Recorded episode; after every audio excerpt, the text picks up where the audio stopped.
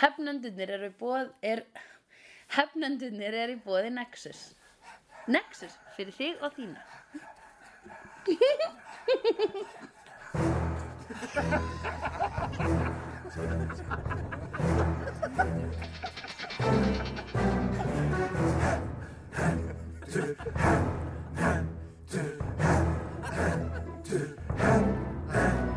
Hvað?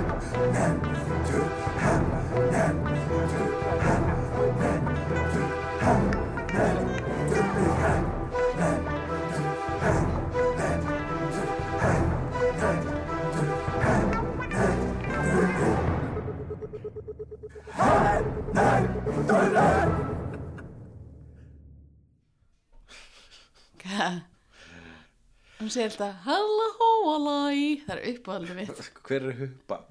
í skrám í sjönda himni Já, svo er hann huppa. Já Halló hóa læ. Halla hóalæ Er hún svissnes? Nei, ég held að Ragga gísla tala fyrir hana Um, sko, hérna þú varst að segja frumsýning. Frums Frums, já. að Kalla frumsýningu frums. Um, stytting. Mm -hmm. í, í tali þá. En ekki til að skrifa nefnir í vasabak og svona, já, drí- mæt, muna, mæt og frums. Tali í tali ég finnst að frunnsýning með enni það er þegar maður sko dyrfist út úr húsi með frunsu sem enginn er búin að sjá það sem vart að fara til búið bara það er smá frunnsýning hérna þú, þú, þú er þeirra, þess heiðurs aðnjótandi að vera vitni að e, þessu fyrirbæri á vörum mínum lítur út fyrir að vera miklu verra en það er Er, ok, er unpolitically correct að kissa ekki fólk með frunsu á kinnina Uh, nei, það er ekki unpolitically correct og Eða- það á ekki að kissa fólk með frunsur. eða mi mismunun Já. Þú þarft að vera, ég heldur að vera aðeins nær, sko. Ég er bara Já, svona og svona. Halló Já, akkurat, þetta er fínt, þetta er mjög fínt. Nú, hann ævar veikur aftur í dag, eh, stakkjast lilla gubben.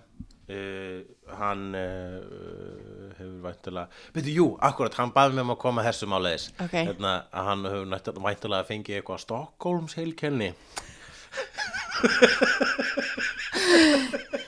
Takk ævar minn uh, Ég ætla að verma sætið þitt í þessu þætti og segja segja bara lélegri brandar en þetta. Ég lofa. Heru, Það er hipster að krökka þarna, er það ekki, bakvæmt sjóarpið? Akkurat uh, uh, Við skulum, við skulum vera var um að segja eitthvað hipsterlegt í vissum að gerist. Við sögum ekki þýrsturlegt síðast. Við sögðum ekkert hipster, maður svona gleyna stundum sko Hérna, mm, svona lauklykt. Þetta er hérna gömul krukka af svona laukmauki sem að hollendingur skildi eftir heima hjá mér. Það er það sem gerist þegar þú leifur hollend, skiptur um íbúð við hollendinga. Þeir skilja eftir majónes og skrítið mauk. Ei, að skemmtilegasta sem hefur komið fyrir mig í Hollandi fyrir utan að fá gefins kíló að lakrís var, var hérna uh, þegar konan af flugvellinum sagði gonna, you have to use some stickers. Og þá stóðu við svona fimm í hópali stickers. Svo voru maður að tala um snickers og festival þá var nú gaman. Þá var nú kátt í höllinni hjá svínunum. Þá var kátt í höllinni hjá svínunum. Það skemmtilegasta sem kom fyrir mig í Hollandi var ég, ég var að þú varst að segja mér þessu sögu, var ég að reyna að hugsa það upp vegna þess að ég bjó í Hollandi, ég í Amsterdam. og ég ferðaðist ekkert um landið meðan ég bjóðar, heldur var bara þarna í Amsterdam. Og lengsta sem við fórum var að fara yfir Rotterdam sem var eins og Amsterdam nema með engu. Og uh, fór, þannig við fórum tilbaka til Amsterdam og uh, sko og svo er ég búin að vera bú hérna, að gera, með podcast með uh, honum Jonathan Duffy sem heitir Australia og er til á The iTunes. Og það hann, hans fyrirvændi eiginmaður er hollendingur og það samband uh, hans við þann mann endaði ekki vel þannig að hann, Jonathan hann fyrir ekkit í felur með svona sína fordóma og sitt hollendinga grín Uh, þannig að það er mjög lítið jákvætt sem maður getur sagt um þessa blessuðu þjóð vegna þess að uh, já, við fengum uh, þegar við byggum hana og fengum við sko bara mjög fljótt að kynast í það, það fengum bara það mjög fljótt að reynda. Við erum ekkert að fara að kynnast hollendingum, við erum bara að fara að hanga með öðrum svona expats. Og uh, uh, þannig að það það er rosa lí hvað er jákvætt við Holland? Við erum að reyna að finna það. Ég fundi geðvikt góða myndasögbúð í Hollandi. Já, ég hef fundið geðið góða myndasögubúð í Hollandi. Og nafnspjald búðarinnar Já. var sé, sko, að þessi maður sem átt að búa svo óþólandi þegar hann suðaði Chris Ware um að gera nafnspjald fyrir búðina sem er pínlítil myndasögbók vá, þannig að hann er nógu óþólandi þannig að að pynta nafnspjaldi hann. er, er hann þá með svona pínu litlar myndasögur til Ware sem nafnspjald sem hann bara dreifur ákepis Já. Og hann sagði mér frá því að hann hefði lá- látið mannin gera þetta og þetta er ekki endurprentað því að Ware vill ekki sjá þetta. Vá, en fyndið. Ég veit og ég þarf að finna mjög þetta. P-I-M-P að vera með þannig nafnspjald e, e, e, e, Já, já ég er með mjög hérna svona nett dúsi nafnspjald. Nú. Ég hérna það tattu er að á fjölskyldutjóst Já, og bara ef ég, ra- sést bara ef ég raka mig. Uh, Hérna, það er uh, uh, sko the dooziest of nafnfjöld Já, nákvæmlega, býta aðeins. Þú þarft að kíkja svolítið nálægt þann fjölskyldutjóst niður hljómurinn sem að hafa farið í geldingu. Fjölskyldu djásnin er líka mjög gott orð. Já, ég hætti að segja með enni en ekki eði. Fjölskyldu djásnið Djásnin ég, ég veit ekki, þið segja Family Jewels á ennsku og þá hugsa ég sko að sé tippið og eistun. Og það er alveg fleirtala. Það er svona, er svona dinglum dangl það er svona eins og sért með tvö hálsmenni eða eitthvað. Já. þannig að það er alveg djást sko, það er einn og okkar hálsmenn Já, það er En- rétt. Ú, ég var að læra nýtt í gær. Ég var að lesa ógislega skemmtilegan þráð um hvað akkur Justin Timberlake verið asshole. Það var geðveikt. Já, hljómar eitthvað eins og John hann myndi lesa líka. Já, þetta var beautiful. Nema hvað? Þá lærði ég að þá var þetta eitthvað, á, eitthvað Spilling the Lipton og, og hérna Thanks for the Earl Grey eitthvað svona í kommentunum Hvað er það? Það eru te-tegundir af því að, eins og í RuPaul, það sem þegar segja, and that's the tea, það þýðir alltaf að þú sért að segja sannleikan. Mm, that's the tea Já, Truth. truth, wow Og nú búið að þróa það yfir að segja bara te-tegund. Já Og þá ertu að segja svona, ain't that the truth, skilur spilling the Lipton. En uh, er það að detta inn út af Super Bowl uh, vegna þess að það er svona never forget og einmitt hvað Team hann Janet. Já, hann tók engan skada fyrir það Rétt. nexli, sko. Og Janet Grey var bara bannfærð af playlistum og mátti ekkert. Hún var bara bönnuð allstar út af einhverju fucking júlugríni. Og þetta var júl, júlugríni, var það sameigilegt grín þeirra? Já. Ok, þau er hvorugt að fara út í grín vegna þess að þau sameinlega semja þannan brandara þá eiga þau ekki skilið að vera fyndin aftur. Og Þetta var leim. Þetta var ekki Þetta var ekki- grín, þetta átt að vera þú veist, þetta átt að vera eitthvað svona eitthvað svona edgy eða eitthvað svo leys Já, all bara, þú veist. Það var bara svona kramin girfast inn í einhverju skartgrip þetta var viðbjóðslegt. Já, akkurat, bara Jackson Family Jew það var búið að kremja eitthvað girfast þegar hann Janet Jackson inn í eitthvað svona sólar skartgrip. Já, það var og- alveg nasty. og, og byggust þau við að fólk myndi vera bara náttúrulega bygg, þau byggust við outrage en byggust samt líka við bara oh my god, hvernig þorðu þessu? Þau voru eitthvað bringing sexy back Já. og verið að reyna að vera hérna uh, náð til lungu krakkana. En það var þannig að hann svona hrifsa eitthvað bót Já. af hennar búningi Æ, þetta er svo mikið lúðar svona popstjörnur sko, þetta er svo lúðalegt Alltaf þegar ég sé sko svona hérna Alltaf þegar ég sé svona MTV VMA Awards Mm. that used to mean something. Varst þegar Peter Gabriel vann verðlunin ha, þá snýrst þetta um minnböndin ekki kókauðlýsingar en hérna Uh, og, og, líka, og þá líka þá það sem að sko music, MTV, Music Television spilaði tónlist tónlistamindbönd það var það sem gerðist einu þannig var eins og heimurinn. Það var ekki verið unnveruleika þetta bara. bara raunveruleika þættir um uh, úlinga sem að eiga ekki skilið að verða tvítugir. Baðast eftir unnveruleika þættinu sem ég sendi er að manninum sem var með tattu af hérna, þessi naflina hann var raskat. Jú, akkurat, þú, og, og þú sagði mér að þú var búin að hlæja þessu í tvo mánuði eða eitthvað ég er vissum að loða hafa verið að hlæja þessu í tvo mánuði. Og átni sem er betri mannesk en ég var eitthvað, ég skil ekki ekkur að hlæja að þessu. Hann er með tattu sem vinur hans lét á hann. Eitthvað svona, hann sá eitthvað human tragedy. Að þetta heitir hérna Just Tattoo of Us. Heitir þátturinn. Og það MTV? Já, og það er, eða nei, byrju, jú, þetta er á breska MTV held ég. Og þá ferðu með kannski pappa þínum eða besta viniðinum eða makanu þínum.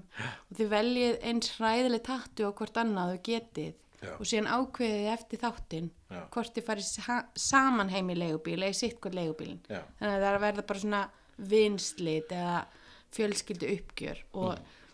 tattúin sem þetta lið er að velja ó, þetta er svo hræðilegt. Þetta er svo hræðileg þættir. Þetta er sko eh, þetta er sko mesta svona apokalips sem ég séð í svona manneskunni Akkurat. Og svo eru svona og, og þáttastjórnendurnir stjórnendurnir eru basically bara svona einhverjir já þetta er bara einhverjir svona skáta fóringjar úr helvíti. Þetta, þetta er svona heim þetta er svo heimsk. Það er svona svo að það fengi eitthvað svona eitrun og brunkukreminu sínu. Og svo eru þau alltaf að reyna og þau eru þykjast vera með samkjönd Mm. En þau eru samt alltaf svona eins og þau langi bara öskur hlæja og benda og fá þau til að gera ljótari tattu eða eitthvað svona. Þetta er Já. bara, þetta er ógeðsleið þættir. Já, og hvað var aftur tattoo sem að þess, þetta sem, þetta sem þú síndi mér, þetta myndband? Sérst, þetta voru vinir og hérna og annar þeirra var búinn að setja þakka þér hulja að leggja klink fyrir fram á mig. Já, ég bara er Þú ég, ekki ráð fyrir ég því sem fyrir að gera einhver hipstir á mistök? Nei, Ég er 39 ára sko. Ég bara vil að þú sett sko hérna, var um sjálfa þig. Já. Og þetta er mest svo ominous hérna klink Þú varst nefnilega sko síðast ég sé. þetta, það varst þú hérna nefnilega með í rauninni ekki, þú varst með einhverjan anti-hipstera dæmi sko, það er svo, svo mikil breyðhildingur og það eru mjög litla líkur á að þú farir vegna að þínar skammir eru álega bara svona á andstæðum póli við hipstera skömmina sem að ég og Ævar erum búin að þykjast hemja okkur og síðan smátt smátt búin að átta okkur á því að það er geðveld lúðalegt að tala um eitthvað sem hipsteralegt. Já, En- það er að lúðalegt krukkan og bara. Og hún er heldur aldrei, hún er ekki búin að vera sérstaklega svona hérna solid hluti uh, af okkar dæmi. Við, hún byrjaði sko Já. og við vorum dögulegir og svo hafa nokkru þættir bara hafið við verið með góð, góða, hip, góðan hipstera rithma. Og síðan er bara sko það, seg, það talar enginn um lengur ef ef eitthvað sé hipsteralegt. Að, að hipsterin er þetta í hnakkan unga fólki í dag, það veit ekki hvað hnakki er. Það er rétt. Eða Choco, forveri Akkurat, nakkans vegna þess að sko unga fólki í dag er nefnilega eitthvað svona uh, hybrid af uh, hipsturum, úlpum og hnökkum. Já, þau fötin þeirra er ekki í samræmi við tónlistasmekkin oft á tíðum. Nei, Þetta er bara eitthvað gullas Úps, að segja að föt sé ekki samræmi við tónlistarsmekk, ég hugsa það flokki sem hipsteralegt. Nei, hipsturar eru yfir að hafnir Mér svo viðjandi að sé lauglikt upp á þessari krukku ykkar. Það er alveg ótrúlegt. Ekki bara klinglikt Eh, Við erum búin að fara sko á spórinu svona tíu sinnum Já, og- ok. og tattúið Tattúið á magan, nei, á, í kringum naflana á þessu gæja. Ok, fyrst ætlum ég að segja hva, hvers vegna hér, eh, hvernig tattú hann gerða vin sinn. Það var sérst búið að raka í kringum fjölskyldudjásnin og hérna, og það var búið að skrifa í svona eins og svona myndasögu svona búm, paff inn í svona Já. þannig svona römmum svona æ, svona eins og sprengjurammar bara myndasögu grím mhm. bara HIVAF, CLAPS bara fullt af svona hérna, kynnsjúkdómum, búið að tattu vera nöfnin á þeim í svona kartúni stíl í kringum djásnin á honum og hann var brjálar út í vinsinn og, og svo eru þeir bara svona og, og allt og andrúsloftið er svona vírað og svo Já. hérna og síðan fer hinn að speklinum og þeir eru með einhver svona sólgleru sem búið að mála yfir. Og þeir eru bera ofan svo teknir umbúðunar af svo horfa þessi í spekli og gauðin sem létt hérna kynnsjúkdómatattu á vinn sinn kemst að því að hann er komið við tattu af vini sínum á magan á sér Já. sem er allsber, snýr rassinum að þér og glennir og horfir svona aftur að bak svona, svona bjóðandi. Já. og hann hérna og raskatið af honum er naflin þannig að svona það er svona já, þetta er skrýtnasta sem ég sé. Það er þetta creatively, mér finnst það betra sko. Þetta er svo, betra, þú veist, ef, ef, að- ef, að- ef, að, hérna, ef að þetta er slagur, þú veist, svona eins og, hérna, þá er, þá er sá sem að, hérna, gerði uh, naflaraskatið með betra kjaftsögg. já og líka bara góð nýting á líkamannum Já, akkurat. Góð nýting á líka. en hann sag, en sko þegar að sá gæi er búin að jafna sig á ógíslega tattunni sínu og er að, og er að horfa á vin sín átt að sjá því að hann er, með, hann, er með mynd af honum á maganum þá er hann svona að hann er svona að hlæja og gráta og einhvern veginn að svona örvænting og svona þóruða, nei, ég ætla ekki að segja þóruðagleði hérna, Þetta er, þetta er, þetta er breiðhild, breiðhildings skammin. Skammast inn fyrir, já, vissulega þá sagði hann ekki undir réttum, kringustæðum. Nei. Nei, já, ok. já, hann er, hann er að, að gleðjast hann er að gleðjast Mm. og skammast í, hann er svo marga tilfinningar brjótast um í honum á sama tíma það er að besta að vera þátt Já. ah, kemst Hvað- ekki yfir þetta Hvað, myndur þú eitthvað um að þig tattu? Þú ert ekki með tattu. nei, En við erum bara með eitt líkama. Mér finnst hversin ekki króta á hann, þú veist, kannski ger, við munum bara rotna. þú Já, veist, ok. Samkvæmt svona uh, bláköldum vísindum, þá er ekkert að fara að gerast þetta við degum, sama hversu mikið við vonum. já, ég er ekki eitthvað að halda mér hreitni fyrir himnaríki sko ég bara fæ innilegur að kent ef ég pæli í því að fá eitthvað á líkamann sem er þar að eilífu. Já, akkurat. Mér finnst nógu leiðilt að vera með ör eftir fyllir í. Já, akkurat, ég er ekki með neitt og mér finnst það sko uh, flott upp á symmetríuna og það sé sko uh, hérna, að það sé hægt. Það er, tattúur er svona föt sem getur aldrei klætt úr. Já, þess vegna fæ ég innilokun Já, akkurat. Og sama tíma að hugsa ég æ, who gives a shit þetta er bara einhver svona einhver húðstríi sem þú ert klættur í Já, en til hvað ætlar að fá tattu? Fyrir hvern er það eiginlega?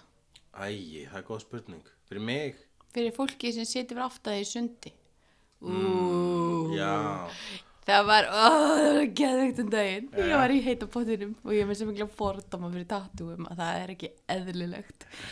Og það kemur einhver gaur svona ón í pottin og hann segir, að því að potturinn er bara fullur, heiti potturinn í lögadalslöginni, þannig að það er alltaf mikið af fólki. Já, og hann segir svona við kærastum sína að ég veit ekki alveg með þetta. Og bara um leið og hann segir það þá snýr hann baki mig og Adna og hann er með tattoo sem að ég hugsaði bara, ég veit ekki alveg með þetta. Það sem er svona kona, allsbyr kona sem er svona skigð eins og svona 80s plakkat sem að liggur allsbyr á bakinu og svo svona hrafn að fara var eitthvað specific. Kannski er hann? Jarðabúi þú of se- halda áfram. Of seint, of seint. Þú veist þetta er ljótt tattoo. Og það er ógæslega stórt. Það sem finnur þú, það sem út búin að segja um tattúur það er allsbjörn kona og svo er hrafn að fara já, það er hrafn að fara að lenda á henni eða ég veit ekki lenda hvað hvað á henni á maganum eða hrafna ungana eggjana. Já, ok. Nei, hann er að fara að lenda einhvern veginn á henni og hún er með svona hneð einhvern veginn upp og þetta er svo skrítið tattoo. Úff, þetta er alveg eins og óbra tattooið á mjóbakinu á Abbey í Broad City. Já, akkurat. Já Uh, jú, það er einmitt máli, ég hugsaði að það sem ég, um, ég myndi vera meðvitaður um tattoo einmitt ef ég færi í sund og vegna þess að það sem að fólk gerir oft í sundur svona að glápa annað fólk og ef eitthvað með tattoo þá er, þá er það frekar glátt á það sko. ég hef verið í, í, í sundi með fólki og verið bara svona hvað, hvað svona tattoo? Er þessi gaur með? Ég, bara, ég veit það ekki, ég held að þetta tattoo sé að kofra annað tattoo sem er að kofra annað tattoo. Og þetta er svona svona klessa. Er þetta, er þetta nínasista tattoo? Hugsa ég mjög oft. já, Af Því að svona vikingatattoo er alltaf svo borderline. já, akkurat það er uh, helvitis nýnasistinir þeir eru búin að taka svona mikið af svona vikingatáknum Ég veit að þeir eru bara búin að ræna, þú veist, góðsögum Norðurlanda og kúka yfir það með einhverju ógiði. Hei, akkur er ekki með miðaldra krukku? Miðaldarkrukku, jú, við vorum að spá að breyta þessu í pappa brandarakrukku ah, því ég held að það sé eiginlega bara orðin nýja dæmi, sko, ég held að, að við séum, að við séum eitthvað áfram að halda að við séum einhvern veginn nálagt því að vera dómbærir á hvað sé hipsterlegt. Það er bara sko eiginlega vandræðilegri heldur en allir pappaþingaröfnir hans ævar samanlæði sko. þannig að, uh, jú, nú hérna frá er þetta pappabrandara uh, krukkan og um, og uh, þannig að já það, ævari varða ósk, ósk sinni og, og, og vissulega þá mun hún fyllast hraðar. Þá, þannig og við munum fara til útlanda. Þetta er hérna San Diego krukkan okkar. Það er svona 580 krónur í henni. Já, ég veit að það er þess að ævar gengur ekki með klink, ég er að reyna bara safna svona klinki, ég tók úr klink úr krukkunni til þess að bara skapa uh, the illusion um að við séum að safna í hana. En við ættum vissulega að hafa hérna hundrakalla á reyðu Rauðum höndum. á reyðum höndum sko, við erum bæði með tíkalla og hundrakalla í hana, það er spurning sko hversu mikill pappabrandar það er. Já, ef það er svo mikill pappabrandari að þú ættir að skammast þín sko ættir jafnvel að fara svona í smá fangilsisvist fyrir það þá er það hundrakall en eða svona óvart pappabrandari svona óvart pönn mm. þá er það tíkall. Og einhvers staðar á 50 kallin er það einhvers staðar á milli. Ég skil.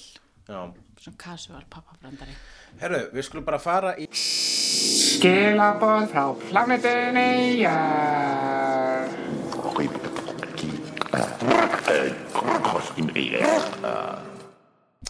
Já, hérna, þú varst síðast að tala um uh, gaggreinendur og gaggreinenda. Við erum skilabóð frá uh, konunni sem að þú veist, Nei! Ég er að djóka í þér. Ég hefði átt að halda þessu djóka aðeins lengur en Nei. ég þótti það kveikitislegt. Já. Magasýrutan á mér. voru komna sko upp fyrir viðbeinið. Það verður byrja nef ef þú hefur haldið þessi til streyti. Hef ég eitthvað til að fokkaði þér svona brandarilega? Já. logið, Hvað var það? Ég maður ekki, bara mjög oft. Ég, já, Ég er auðtrúa. Samt, þú hefur ekki nýtt. Þú átt samt eldri systur þannig að þú sko, þú ættir að vera meiri hérna, sjóuð í, í svoleiðis dóti sko. það, Katrín Erlings, það var hún sem var allt skemmtilegast Ég var að hugsa mér sko. Man. stóru sýsti mín var ekki mikið í þessu. Nei, Hún var meira eitthvað svona Lóa, hann er fyrir til Ég eitthvað, já, ef þú elskar mig. Ef þú segir. sagðist þú það? Ég var alltaf að reyna að fá hann til að elska mig. Já, ok, það Ég fór, fór með nesti til hennar í FB og ég er búin að setja svona, ég, ég batt svona borða utan um samlöku. Það er svona sleifi. Og hún elskaði samt ekki Nei. Já, æ, þessi eldri sískinni er nú glöð allar mínar svona skömmustulegu minningar er hvað, ég- þegar ég var leiðilegu við Þorra það er alveg bara svona þannig ef Þorri beðið mig um greiða og bara geri, þá bara svona undir, ef, að, ef það er hægt, saman hversu leiðilegt og saman hversu lítið í nenni þá bara geri ég honum þann greiða vegna að segja, já, ég skuld honum þetta Vá, ég veit að þú er passa fyrir hann. Ég hef einu sinni passa fyrir hann og, þá, og eftir það þá hérna, hefur hann ekki beðið mig um það aftur Hvað var barnið hans bara? Barnið bara náði stjórninni undir eins Það var eins og háls þá, svona hans. Það er líka svo sætur. Já, hann bara, ég var bara, þú veist, ég komst ekki lengra en á klabratún, sko. Ég komst ekki hálfa leiðina heim til þeirra með barnið.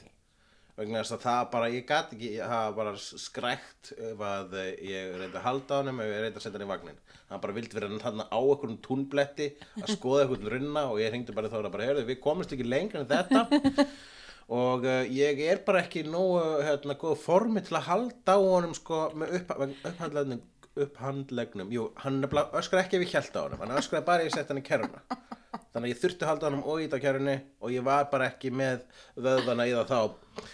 Eh, þetta var áður en ég byrjaði sko hérna, að stunda líka sagt Ég skil. En uh, uh, hérna skilabóðin sem að ég fekk sem að ég, skilabóðin frá plánundinu jörð í dag eru uh, ekki svona þannig að ætluð þessum þætti en mér fannst þau verið svona skemmtild vegna að þú varst að tala síðast um uh, gaggrinni Já. og hvernig maður tekur hann persónulega. En ég fekk svona uh, á Twitter í nótt sjáum til eða í gærkvöldi, ég sá þetta bara í nótt og var svona, já hérna, uh, og ég var bara svona pínu svona móðgæður en ég veit ekki hvort ég var móðgæður vegna þess að ég veit ekki alveg hver er að segja þetta.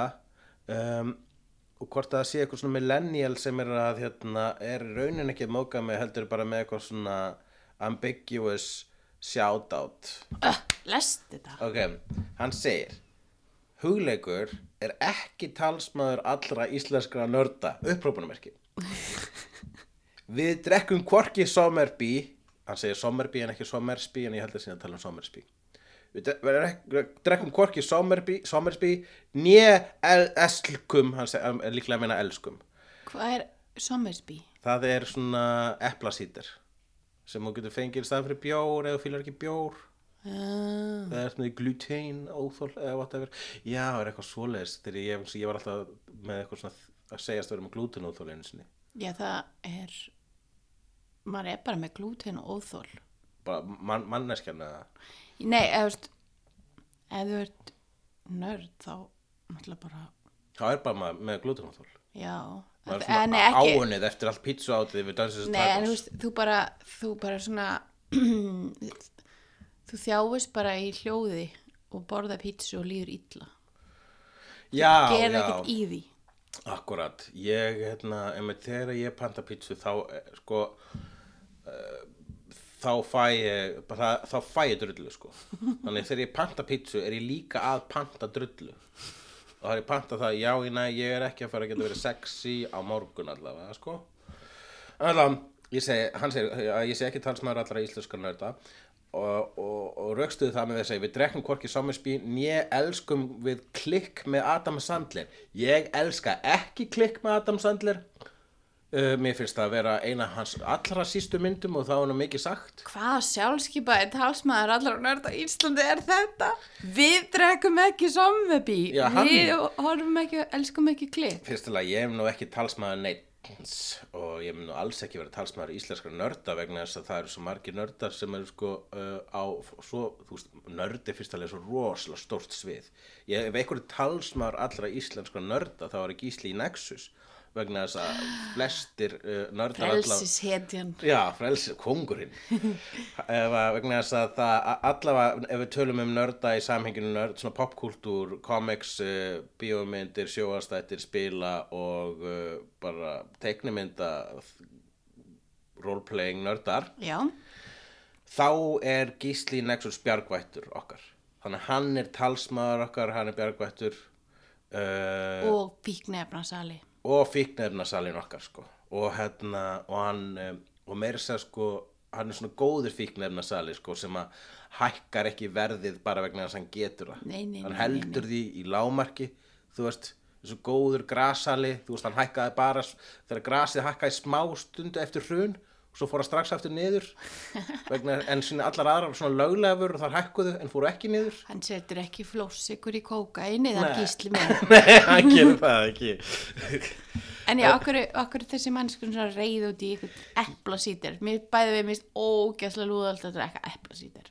Ég hef stundum fengið mér uh, Sommersby ef að ég bara finnst ég vera bloated en langar samt í drikk sem er ekki Er ekki sterkari bara- en 5% sko. Já, ok, já, ég ætla að segja, okkur ferður ekki bara vodka. Jú, það er náttúrulega hægt að fá sér uh, skinny bitch uh, uh, ég menna hvað er að koma nýtt orðið bara ég og Jonathan Hvað er þetta? Skinny bitch, það er sagt bara vodka í sótavatn Er þetta að tala um vodka soda? Já, en það er kallað skinny bitch Það finnst mér svolítið skrítið. Já, það er, ég, og þess vegna vorum ég og Jonathan að ákvaðum að kalla það uh, normal sized human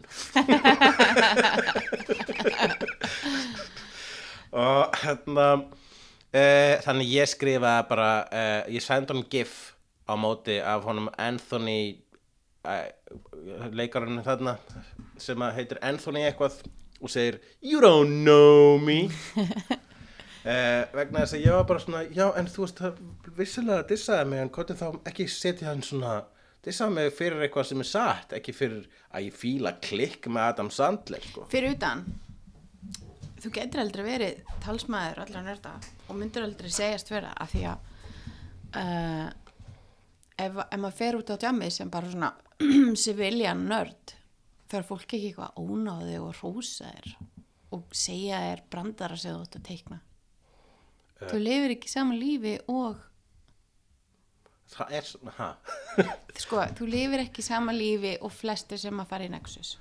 Já ok já, fólk actually segir góða hluti við þig. Og- já. ok.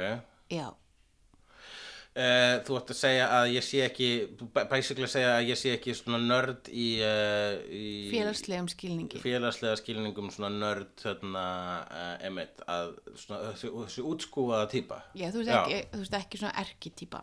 Já, ég veit það. En það er sko, svo, en síðan er sko nörd líka orðið svo rosalega mikið eitthvað samfélagslega viðukent dæmi og það er allir að segja ég er algjör nörd og svona, þú veist, ég er algjör nörd. Því það ekki áhuga samar um eitthvað.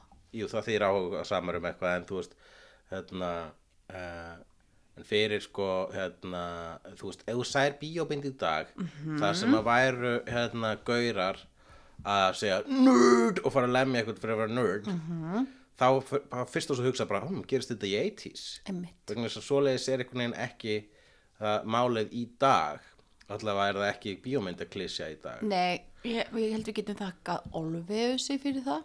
Olvegu sig? Það er hérna einhildis stefnan hann að Olveusar áætlunin. Mm. Uh, það voru síðan sko í kvikmyndinni 21, uh, 21 Jump Street þá emitt hérna voru þeir að dulbúða sig sem ungt fólk og fara í high school uh, og reynda að vera cool þú veist, ætlaði að vera cool og Með bakpokar á einni öxt. bakpokur einn öxl í mannstætti því Já. Ég var bara, wow, ég er gömul. Af því að að vera með bakpokar á báðum var bara bannað. Já, það var bannað, þú varst bara, þú varst aumingi og bara, ok, þess að þú mættir bara fyrsta daginn óvart með eh, á báðum öxlum þá ertu bara búin að svona rita í stein þín örlög innan Það skólans er rétt, og það, það var, það ert ekki eitthvað, það er þér ekki alveg sama. Mann er alveg sama ef maður bara á annari. En hérna, uh, hvað heitir hann sæti í Ju- 21 Jump Street? Hann er ekki Channing sætur. Tatum, já, hann er sætur samkvæmt hefðbundu skilningi Nei, hann er svona sem til líma bánsa augu á svona kjötstykki. mm. Þú ert samt alveg, já, ok Mm. Hljómar ekki dýla Með hári, kjötstykki með hári. Ég er nefnilega sko svo, svo mikið anti-víkan að ég vil að kjötið horfi á mig meðan ég geti það sko, ég vil helst það andi En, uh, og, já, en allavega hann, hann salatýpan, hann Channing Tatum, hann er bara svona, þú verður ekki með böndin, þú ert ekki með bakbókuna báðumöxlum eins og hálfviti, þú ert cool, ég ætla að sína við hvernig þú er cool. Svo kemur í ljós að hann hefur ránt fyrir sér vegna þess að uh, nördarnir eru nokkuð neginn búin að taka yfir og orð- orðnir nokkuð nokkuð svona hip, hipsterar, sko. Svona nörd, svona nörd, það sem að var einu nördakultúr var eiginlega orðið búin að taka yfir. Og þeir eru bara svona allt í einu svona svona bullies, sko þannig að jú, þetta er alltaf snúast við höndum þannig að þú, fyrsta lagi bara hugtækja nördi er náttúrulega bjánulegt en það er samt ekkert að því að kalla sig það. Mér langar svona svo vita bakgrunn þessa mannesku. sem að kallar, sem segir sem að, já hann er allavega ég, hérna, já ég, hérna held þetta sé bara, ég held þetta sé bara svona leið til að segja hæ. Vegna þess að hann sko er hérna að uh, tagga mig sko í þetta það er setti hérna allt hugleikur er ekki talsmaður allar íslenskur nörda og held ég reyna að byrja, kannski reyna að byrja eitthvað samtal. Þannig ég setti bara að, hérna, you don't know me. En ég er bara búin að fá eitt hjarta út frá því. Ég skil ekki hvað er í gangi, ég kann ekki svona samtöl. Ég er líka mjög lélugur í að tala á Twitter. Alveg hann- Hannes Holmstein lélugur. uh, hvað, hvað áttu við?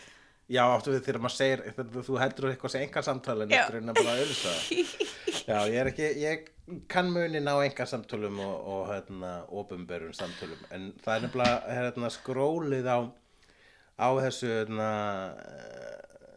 tímalínunni í Twitter er þannig að þú þurft að lesa frá botni til að lesa þér rétta átt eða eitthvað, nei, byrju, hvernig virkar þetta? Jæja, Jæja, ætlar að kannski setja pening í pappakrukkuna. Já. Og þá er komið að Þetta er úrslega vandræðalegt Ég sé úrslega eftir þessu segmentu En þú getur alltaf klift það auð. Mm, Við sjáum ekki lengur um klippinguna Það er nefnilega sko Hver gerir það? Það er hann Grettir hérna frammi Líkar hann vel við þig? Já, ég, hann er mjög kurtið sig mig Grettir sig.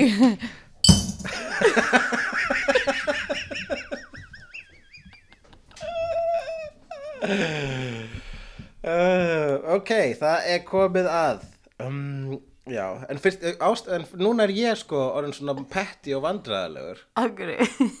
Fyrir að vera að bara adressa þetta já, já, ok, en ég var mjög petti síðast. Já, það er það sem ég er að gera Ég var að búa Petty til. Ég var að búa til svona jafnvægi sko.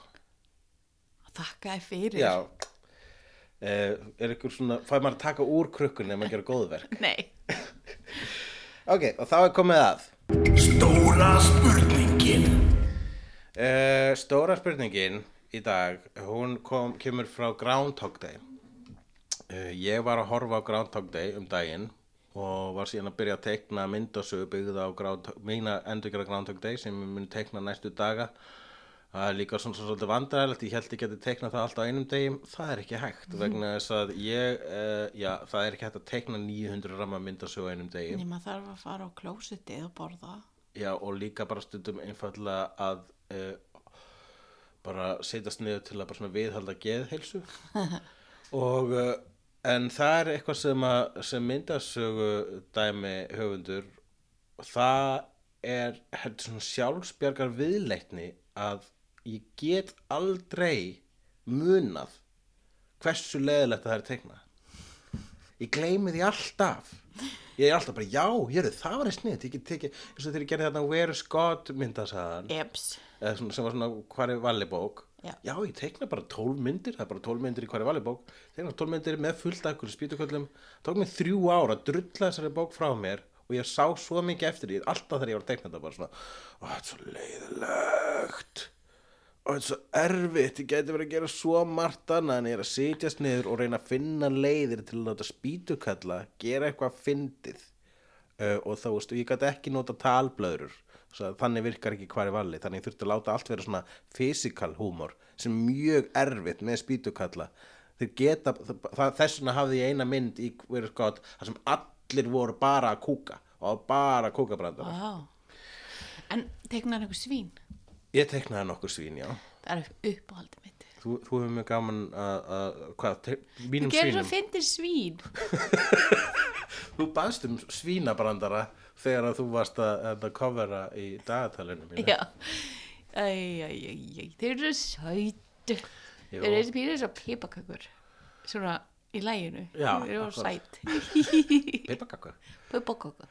Nú, ég var allavega að horfa á Groundhog Day og það var hérna uh, uh, ungur maður sem heitir Pálmi Freyr sem að tók það að sér að horfa á Sá hann tók það að sér mjög glöð og ánum með hann Pálma Frey.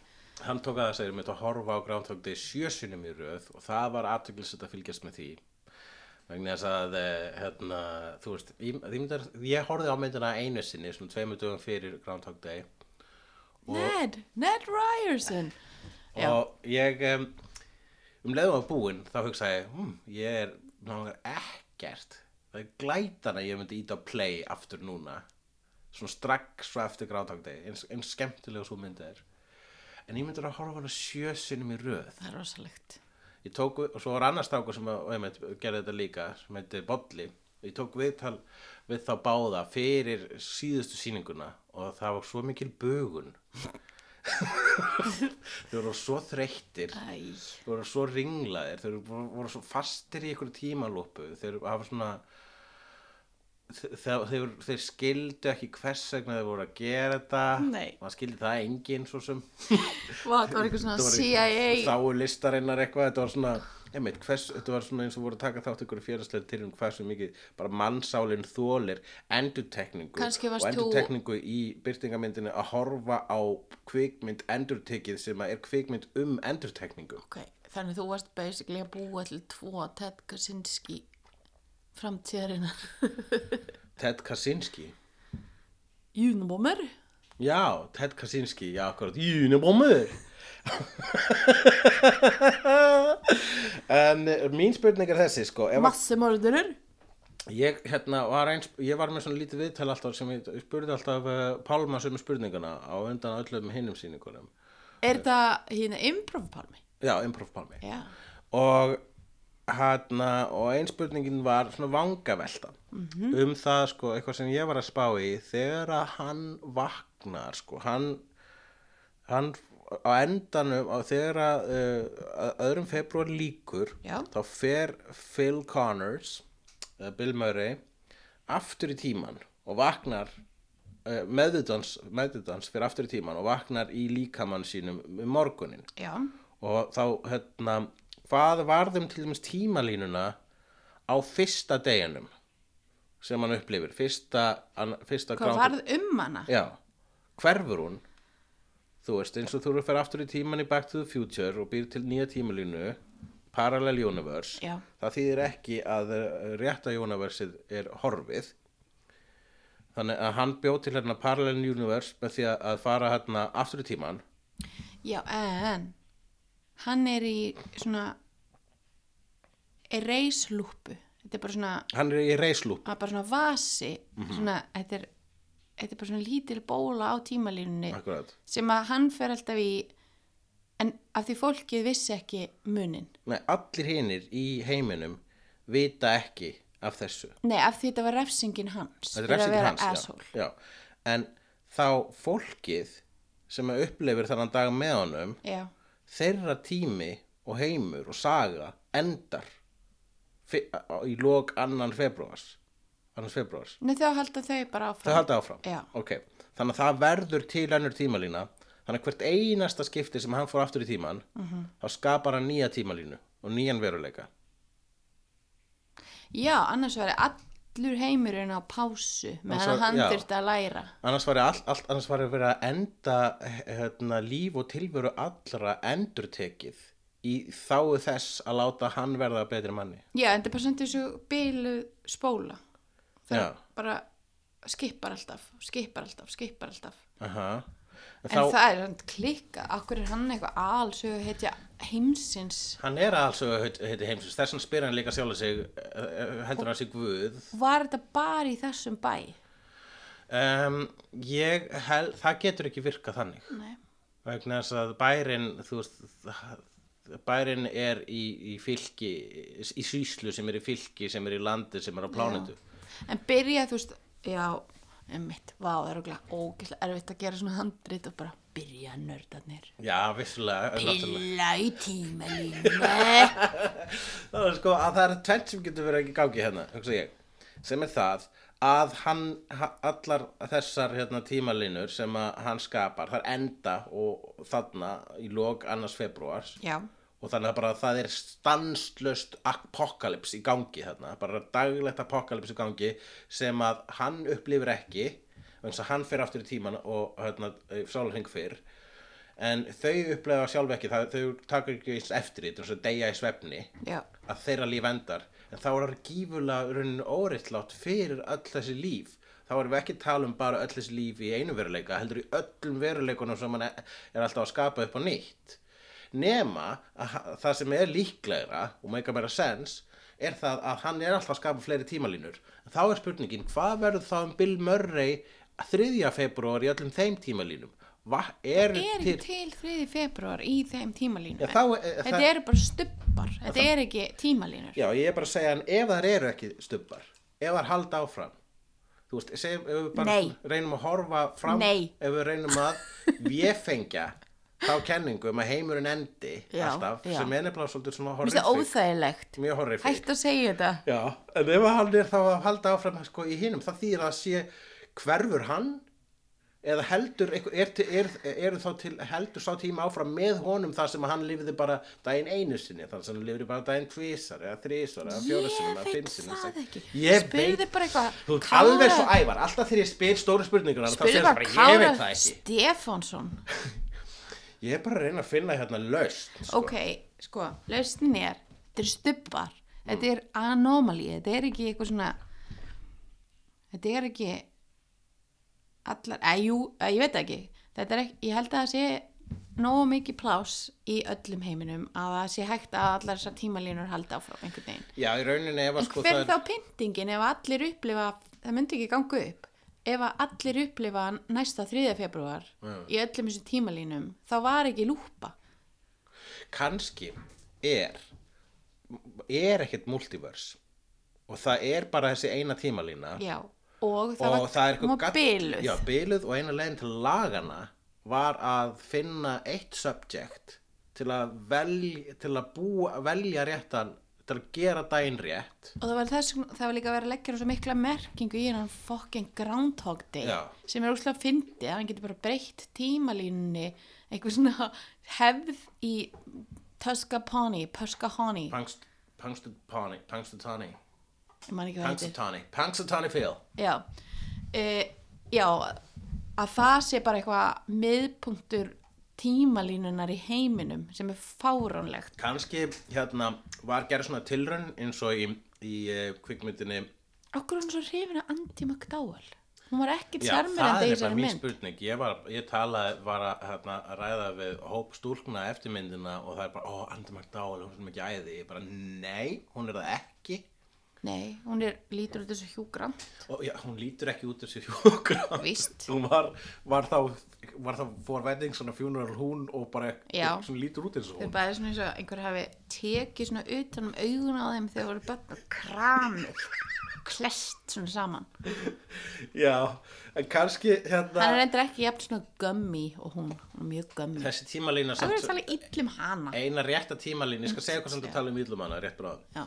en e- eina hérna, rétta tímalínu sem þetta var, var svo að þú veist guðirnir sem eru að sjá um tíman þeir eru bara svona, ok, hann verð eina, við erum bara að fatta það, eina leiðin til þess að við, hérna, við erum búin að rekna þá, þetta besta, rétta tímalínan er tímalína þar sem hann byrjar með Andra McDowell. Svo það er þannig sem það endar, það er þannig sem hann Mhm. sigrar þetta, þessa þraut.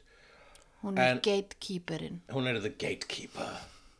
Og, um, og hérna en, og, og þeir bara fatta en hún er geðveikt high maintenance. Hún vil bara fara heim með gaur sem er ógeðslega góður að piano getur gert nákvæma eftirlíkingu að henni í snjó er sko bara svona svo mikið gull af manni að hann hjálpar gömlu konum sem springur að dekk, dekki hjá áður hann kom, komast út úr bílnum og svo framvegis og svo framvegis. Það er bara svona, sé, þessi kona er svo high maintenance að framtíðin er í húfi að hún hefur eðalagt tíman við þurfum að búa til mann handa henni.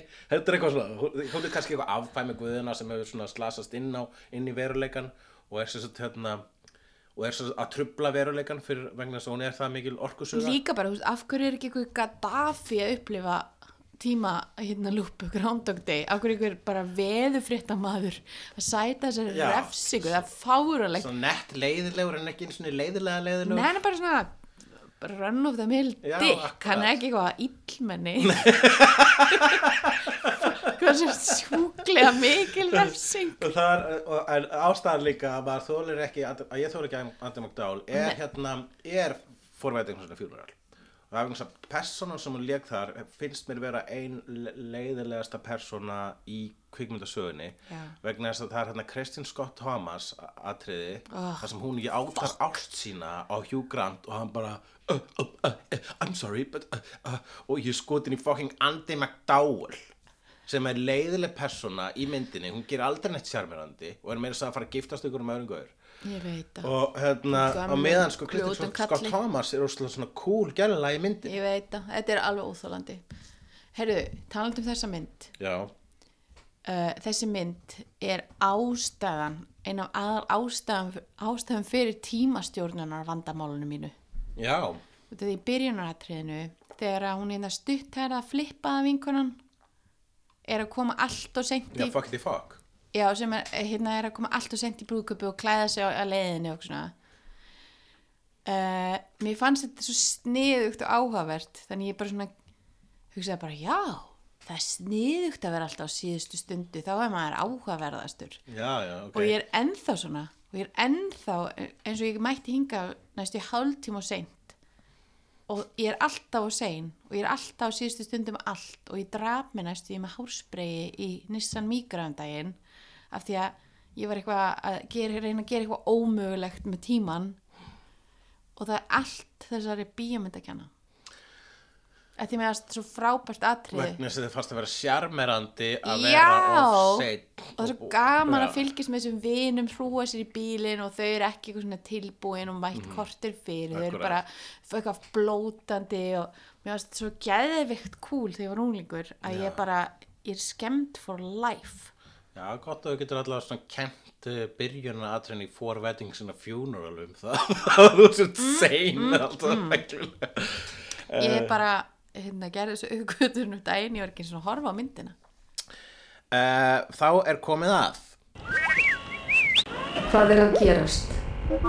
Nú, það var Super Bowl núna á sunnudagskvöld og uh, eins og allir sem að hafa viti kollunum þá horfðu uh, þau á Super Bowl ekki vegna uh, íþróttarinnar heldur auðlýsinganna og auðvitað eru hérna, helstu auðlýsingarnar uh, og mest spennandi auðlýsingarnar eru að sjálfsögðu uh, trailerarnir á bíómyndum. Það komu hérna nokkri trailerar ég vissi ekki að maður eftir að gera þetta Uh, þetta er eitthvað sem það, ég hef hort tvísvara Super Bowl og það er mjög gaman hérna að fylgjast með þú veist, það, er svo mikið auðlýsingum ástæðan að hérna að alvöru fótbolti, eða soccer þeir kalla, er ekki vinsæll í bandaríkjunum er vegna þess að þeir, er ekki að setja auðlýsingar í það. Nema bara á einum stað í já, miðjuna já, já, og það, það er meira stað marg, margir komið með þið myndu verið með kannski tvö tvo hálfleiki eða þrjá þá hérna þá getur við þá getur við þá getur við það getur þetta orðið hugsalega vinsæl íþrótt í skil. sko. Eh, sko, ég var alveg upp á auðlýsingastofu já, og ég fór stundir með pappa mínum og hann fekk oft svona vídeospilur heim með auglýsingum sem ég horfði á Já. endalust og svo fór ég stundum í háskóla bíó og svona auglýsingaháttíðir já, þar sem maður horfði bara já. Og það var ógeðslega skemmtilegt. Já, ég man eftir svona, ég farið á þannig. Auðlýsinga marathon, það er mjög skrítið. Það er rosa skemmtilegt. Og ég pínu, sko, ég er rosa hérna uh, ég er hrifin að gaggrinni hugsun en út af uppbyldi mínu þá dyrka ég auglýsingar og að því ég er alveg upp þegar auglýsingar voru þú veist, ef það var verið að gera stóra auglýsingu þá var ekki fengið einhvern sem ást að klári tölvu til að gera hana, heldur það var í alvörunni Valgi Guðjónsson og alls konar lið var bara fengið í stúdíó og það var bíll inn í stúdíónu Já. og svín einhver lotto auglýsing það fengið svín inn í stúdíóið. Já, Já. Og, og ég kom einu sinni vinnun til pappa og ég heyrði eitthvað svona grönt Mm. og bara, hm? það var svín. Það var það besti dagar lífsins? Já, og hann var hann í marga daga. Ég var svín bara og ég fekk að eigan meðan hann var hann já, ok, og hann heit Skýrnir og Valgi Guðjónsson fann nafni á hann. Og þau myndir hann með þessu svíni og ég var eitthvað ég var svín? Og var alltaf svona tala um gælu, þetta er örgulega ástæðan fyrir því að ég er svona elska svín og mannstu síðast voru við að tala um að giftast George Clooney út af svíninu, puntsvíninu hans já, Ah, ég var- borða sko ekki svín. Nei, Af þú því ég get það ekki. já, og það var svo hræðilegt ef átum eigan Það var sérst uh, stjúpfæðið minn gaf móðu minni svín í ammæliskjöf, eiga fyrir sól og þau ólu upp svínið af mikilli alúð og umhyggju fytuðu það og svo fóruðu með það í slátrús og bútuðu það í uh, nokkra parta og sendu partana til ástvinna sinna meðal annars uh, okkar bræðrana og við uh, heldum saman jólin, ég og bróðið minn og þú og þá erandi maður þinn og átum eða fjárðarsól. ég veit það og ég var sko Það var áður en ég hætti að borða svín. Uh, já, Já, obviously. já það er mikið ást í þessu svíni. Ég veit og ég hafði talað við hann í síma Mhm. og mér ástu þetta svo ógeðslega leðilegt og mér ástu þetta svo mikið skrýmsli. Já, þú vissi kannski ekki þegar þú talaði við henni síma þegar ég otaði símtólunu að svínunu uh, þá vissir þú ekkert að þú er að fara að taka þátt í, hérna, já, hrottalegum örlögum hennar. Þetta er fullkomið umræðefni, veistu hvað? Hvað? Ég er að kenna og það var strákur að segja mér í gær að fræg mannæta hefur vani komið sínar til Íslands. Nú? Issei Kagavi eða Kavaki. Já, japanska mannættan. Hann, er til myndir af hann á Íslandi, hann kemur oft hingað. Og hann hefur sloppið og hefur búin að gera matrislubækur og monetæsa á glæpnum sínum sem hann hefur aldrei þurft að að því að pappans var ríkur eða frægur eða vel tengdur eða eitthvað þannig að hann gætt drepi konu í Hollandi eða Fraklandi borðað hana og er núna bara eitthvað og veistu, hann er 1.52 Já, ef þetta var hollensk kona skil ég alveg að koma til það. en finnst þetta ekki skrítið Svolítið bræðlest kjötu hollenskt. Nei, lakrískryttað Hulli Það mannæta hérna Pínu lítil mannæta Eitthvað hjá Jökulsárlóni Eitthvað Já. Og hann er, úst, og hann er bara Hann er bara eitthvað svona popkultúr. Rátt Já, þetta er insane, sko. Og ég vil ekki dansa hér. Hvað ef maður verður allt í hennu bara eitthvað hmm, og Hvort myndir þú followa þessa mannætu eða Kardashians á Twitter? Í hvað er ógeðslega spurning. En uh, segir hún ekki allt sem segja þarf? Ég var einmitt að lesa Kylie Jenner að segja heiminum af hverju heiminum fekk ekki að fylgjast með meðgöngun hennar Mm. oh. og íbarsta mamma hennar er skrýmsli hún bjóð til þetta Já, akkurat. hennan, hennan þessar skítugu rúðu inn í veröld barnana sinna og afkomenda og íbarsta mér langar að, að issi borðana Jæja, þarna fórstu ring með þetta. Þú svaraði spurningum. Ég sendi slaufuðanum þessa samloku. Uh, ég ætla bara að spila hérna, uh, ég ætla bara að spila tvo trailera Já, að helstu þau trailerana Já þú og- veist að tala um auglýsingar í Super Bowl og ætla að segja eitthvað sniðugt. Ég ætla ekki að segja neitt sniðut, þetta er bara það sem alltaf þegar við hefur verið með Super Bowl þá er ég og Ævar að tala um trailerina og Já. Mission Impossible.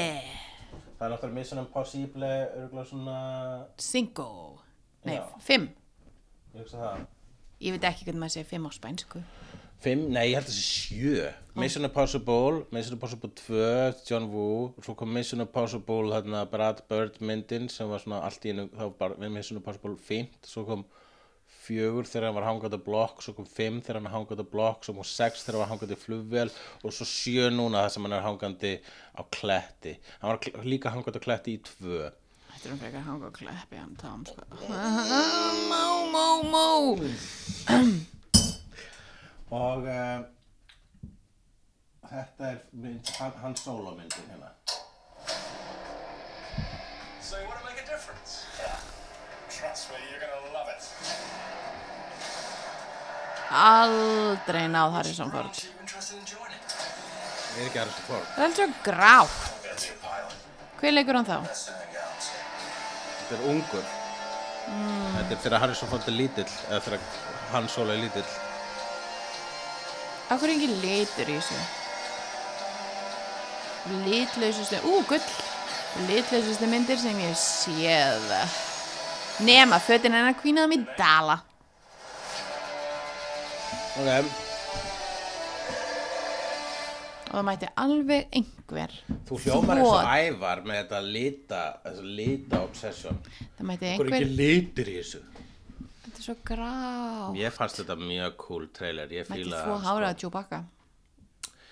E, já, Klebrað? ha- ef að, þá væri hann fluffy. Ég veit að það er þetta rétt Kembunum með glansandi hár sem er svona með static svona stöður að magn. Þetta er mynd sem heitir Solo A Star Wars Story og fjallar um Han Solo þegar hann er ungur og sjálfsögðu ekki leikinn af Harrison Ford en þess að Harrison Ford hann eh, stimplaði sig út úr þessari serju mjög nýleg, í nýlegri mynd þar sem hann var drepinn. Spoiler alert. Ekki fyrir mig. Nei og uh, um, ég líst bara mjög vel á þetta en þetta er svona eina af þessum myndir sem er búin að vera skipt um leikstjóra á sko, það voru svona grín leikstjórar á þessari mynd fyrst og svo fannst framleiðundum myndinu vera orðið nóg mikill fýblagangur þannig ráku þá grín leikstjóra og réðun annan svona meira solid og vanan leikstjóra sem heitir Ron Howard. Og um, Já, ég veit hver það er. Já, narratorinn í Arrested Development. Rétt. Já. And that's where they get you Og bróðir hennar Problem child Já, bró, bró, nei, hann er ekki bróðir Gilbert Gilbert, Gottfried. Gottfried. Nei, hann er bróðir Clint Howard Þeir eru tveir mjög þeir, eru- Já, þeir eru, Þeir eru Þeir- svo þeir líkir eru svipaðir týpur, já. Það var nú gaman að sjá buddy mynd með þeim. Hver er, að straight man? Problem child væri Ó, þessi eftirherma Clint Howard leikur hins gat. í flestu myndum eftir Ron Howard. Googla his face.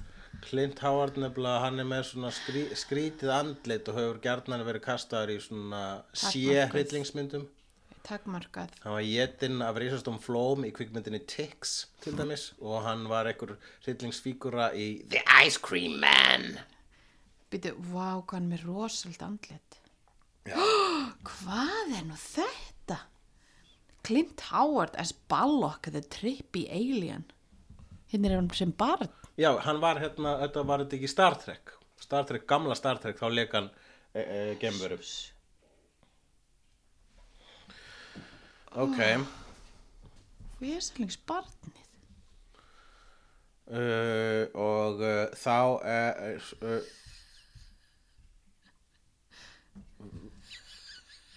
Já, Lóa er að skoða myndir af Clint Howard þegar hann var lítill og er að hlæja að barni sem er með andlitsvandamál.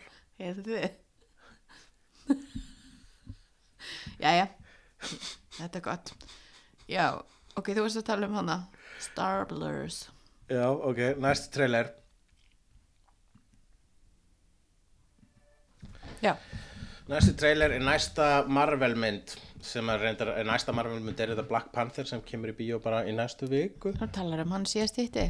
Uh En þessi mynd heitir Avengers Infinity War er tæknilega Avengers uh, 3 en er líka mynd þar sem basically allar personurnar í Marvel byrtast. Þá erum við að tala um Spider-Man, Avengers, uh, Gu- Guardians of the Galaxy, uh, Thor og svo framvegis. Skulum sjá. Þetta er örstutt TV-spot. So this is it. It's all we can leave you alone. Guardians of the Galaxy, sagður það? Ready?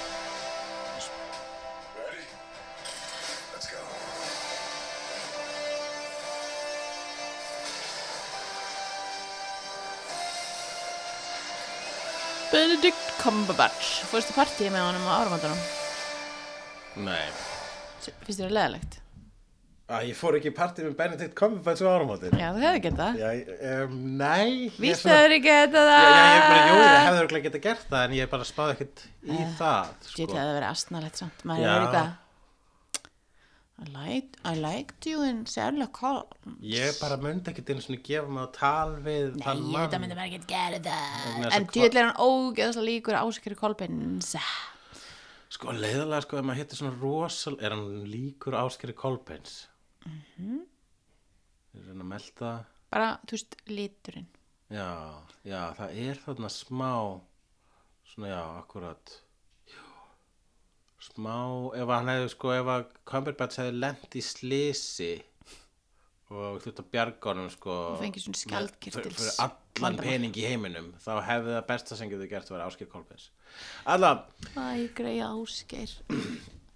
Já, nei, einmitt greið áskeir uh, þá uh, sko, ef ég myndi hitta Benedict Cumberbatch í partíi þá myndi ég vera mjög meðvitaður um það og ekki geta sagt neitt. Það er nefnilega leiðilega við að vera nálægt svona frægu fólki. Maður verður alltaf að hugsa um það að maður sé nálægt Ég frægu veit það. fólki. Það er bara alveg hræðileg tilfinning, sko. Og þar helst það, sko, einan leiðin, ef maður þyrfti helst sko að fara í blackout fyllir í með þeim og vakna síðan með þeim daginn eftir og þá fyrst getur maður orðið eðlur, bara. En, hérna, sko, Chris Pratt, Mm.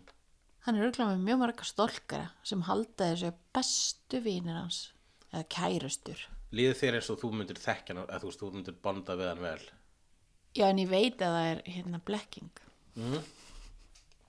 Akkurum. Uh, að því við höfum aldrei hist. Já, en kannski er hann ógeðslega næskur. Hann, það tala allir um hann sem næskur. Já, og ég getur ímynda hvað mikið vinna að vera næskur.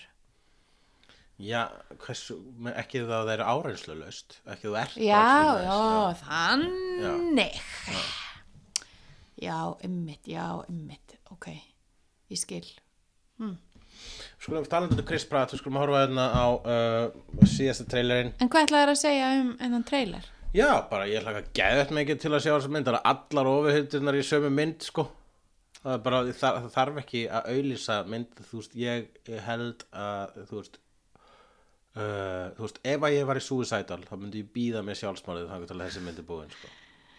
Uh, en, sko, Já, segðu mér það sem þú átt að hugsa. nei, Jú, hvað er með það? ok, hérna, grút er svo pyrrandi Finnst þér grút pyrrandi, já? sem barn. Já, það.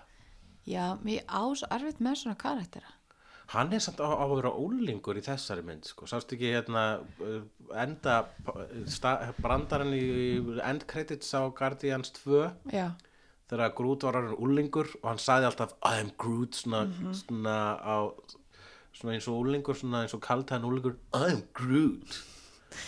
en hann er sko, ég held að sé eitthvað hvernig hann er teiknaður. Og það hann er með eitthvað svo ofalli augu, þannig að hann verður eitthvað svo pyrrandi. Já, þau fyrst hann á krútulegur. Já, samt ekki alveg. Hvernig, hvað fannst þér þá um er svo hann er eins og barnastjarnar. hvað fannst þér um Porgs í nýju Star Wars? Hver er það? Það er, það er svona litlar verur í nýju Star Wars myndinni sem að Það er manna hamstrana. Já, sem eru sko hérna ugl, svona bánsalundar Já, ég sko, er ekki búin að sjá þess að mynda því að mm, ég nenni því ekki.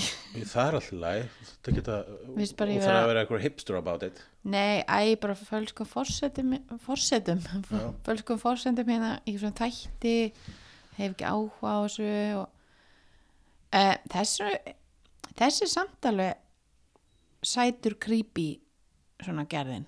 Er þetta nýja Georgia sem allir hata?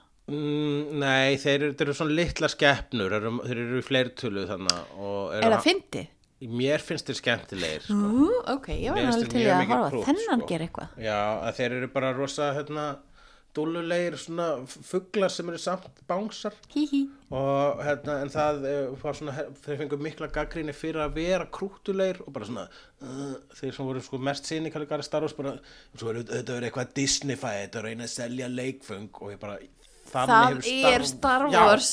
það er Star Wars, það er bara svona sem hann lagði upp með þegar hann gerði það Heyrðu, sko, talað um það. Ég bara fílaði Evox. Já, Evox voru cool. Og hérna, og ég horfði á einhverja Evox mynd og leið bara eins og ég væri búin að sjá allt sem ég þyrsti Já, það er hérna, það kom tvær Evox myndir. Já, ég horfði á þær báðar. Já. og mér finnst þær í- ógislega skemmtilegar. Mjög- Það var ógeðslega skemmtilegar og, og, og ég og, og þegar ég hugsa til það þá áttaði ég mig á því að ég á ekki að horfa á þar í dag það gert það. rosalega illa gerðar gerir ég ráð fyrir. Þeir eru svo sætir. Og þeir eru alveg frábærir. Hérna er Chris Pratt í nýju uh, Jurassic World myndinni.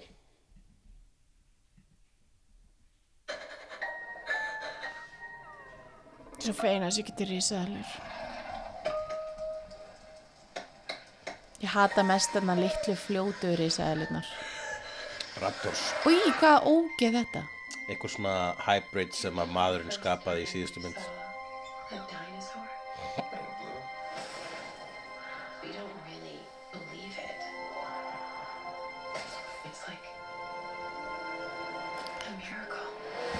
A